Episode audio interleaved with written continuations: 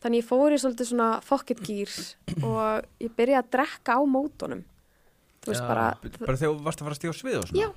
Já. ég bara svona, þú veist það, ekkert eitthvað mikið nei, skilur nei, en ég svona byrjaði, þú veist, maður mátti alltaf fá sér rauðvinsglas Mhm. kvöldi fyrir mót til að ná meira svona þurrk og meira svona, hérna, pumpi vöðvana og svona meira fyllingu.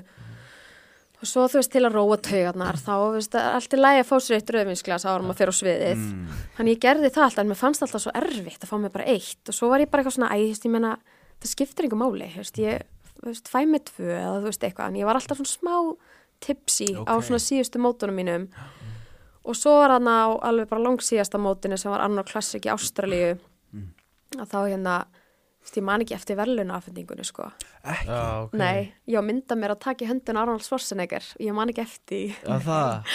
og þú veist þá var þetta einmitt komið út í alveg bara mikið rugl og ég sem sagt var að ferðast, ég, var, ég tók allt svona keppnisferðalög og ég sem sagt hérna fór frá Íslandi til uh, hérna Baltimore, Baltimore til Kólumbíu, svo aftur til Baltimore og svo til Columbus, Ohio, keppa þar, já ég sem sagt kefti í Kólumbíu, kefti í Columbus, Ohio, fór til Hawaii, kefti þar og fór svona til Ástralíu og áður en ég fór í þetta ferðalag þá kefti, kefti ég svona tvær kippur af svona brennivínskotum svona eitthvað svona íslenskt og ef ég myndi hitta fólk já, gefa á þá ætla ég að gefa þeim Já, eitthvað svona já, íslenskt já. en ég drakk þetta allt sjálf já, og, það og þetta var alveg bara, já hérna, það var svona alveg í lokin komið út í einhverja Mhm. já, og hvað, hérna, hvenar er, ertu bara að hugsa þarna bara, herri, þetta er bara vandamál ég var enda búin að hugsa það eiginlega alveg síðan að ég drakk hana fyrst skipti með bróðum mínum já, ok, að þú veist Já.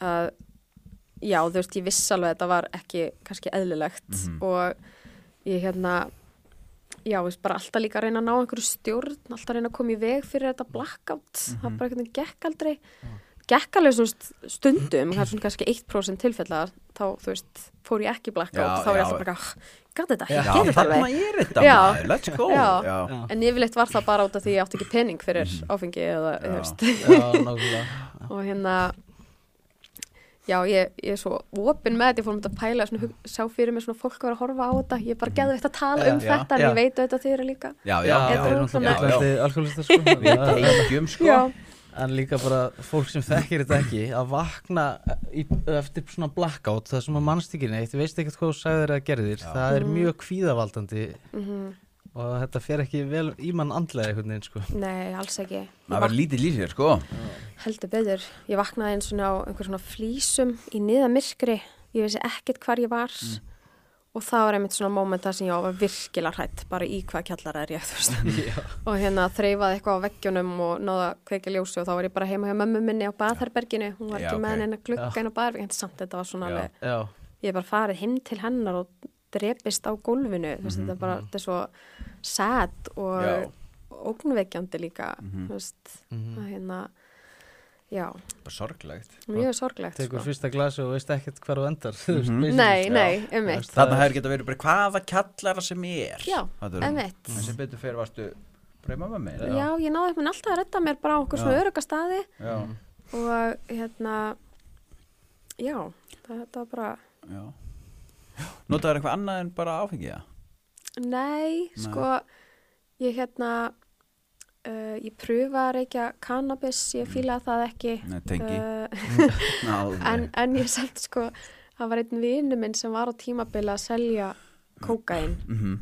og hérna hann, sem sagt, ég hitt hann eitthvað eftir að ég var edru og var um þetta að segja, þú veist, já, ég þetta var ekki við vorum eitthvað að spjalla við eitthvað fleiri og ég var eitthvað svona, já, ég var ekki dýna en eitthvað öðru hann bara fyrst, ég vil, ha, þá sérst það hann alveg vera, ég alveg vera að fá pröfa kókain bara Mm. í blackouti já, það er ekkert með eftir ég man þannig að ekkert það svona, taldi ekki með. nei, Já, nei, já. einmitt. Já, það var Það er frábært þægilegt, já, já. og, og hvað gerir þú veist til þess að vera hvað edru eða uh, ég fer á fundi mm Sem fórst, var- fórst á voga eða eitthvað fyrst Nei, eða? ég fór ekki Nei. á vok. Ég, hérna, ég fór bara beint á svona fundi já, og ákvað bara að gera allt sem mér er sagt að gera. mhm, Mm -hmm. Ég, alveg, ég pröfa, ég fór inn á vok, sko, mamma sendi mér inn á vok þegar ég var aldrei 16 ára, mhm.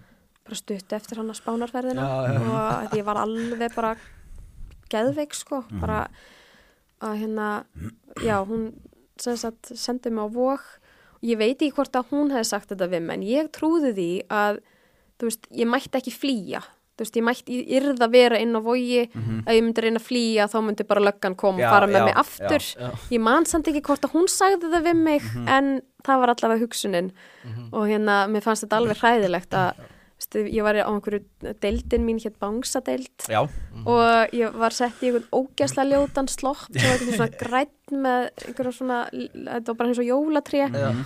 ekki var búin nema að sjöðus mann sem eru búin að vera í honum eitthvað á eign- eign voks á bakinu stendur og þú veist, krakkanu voru rosa mikið að tala um cannabis og ég bara þú veist, það fannst ekki alveg að heima hana sko og fannst það heldur dramatista mömmu minni svo var einhver sem sagði við mig að þú veist, þú mátt fara bara þegar þú vilt sko, þú þarft ekki þú veist, það, get, það er engin að neyða þig til að vera hérna og þá var ég bara farin já, fórstu það bara labbaði bara út já, já,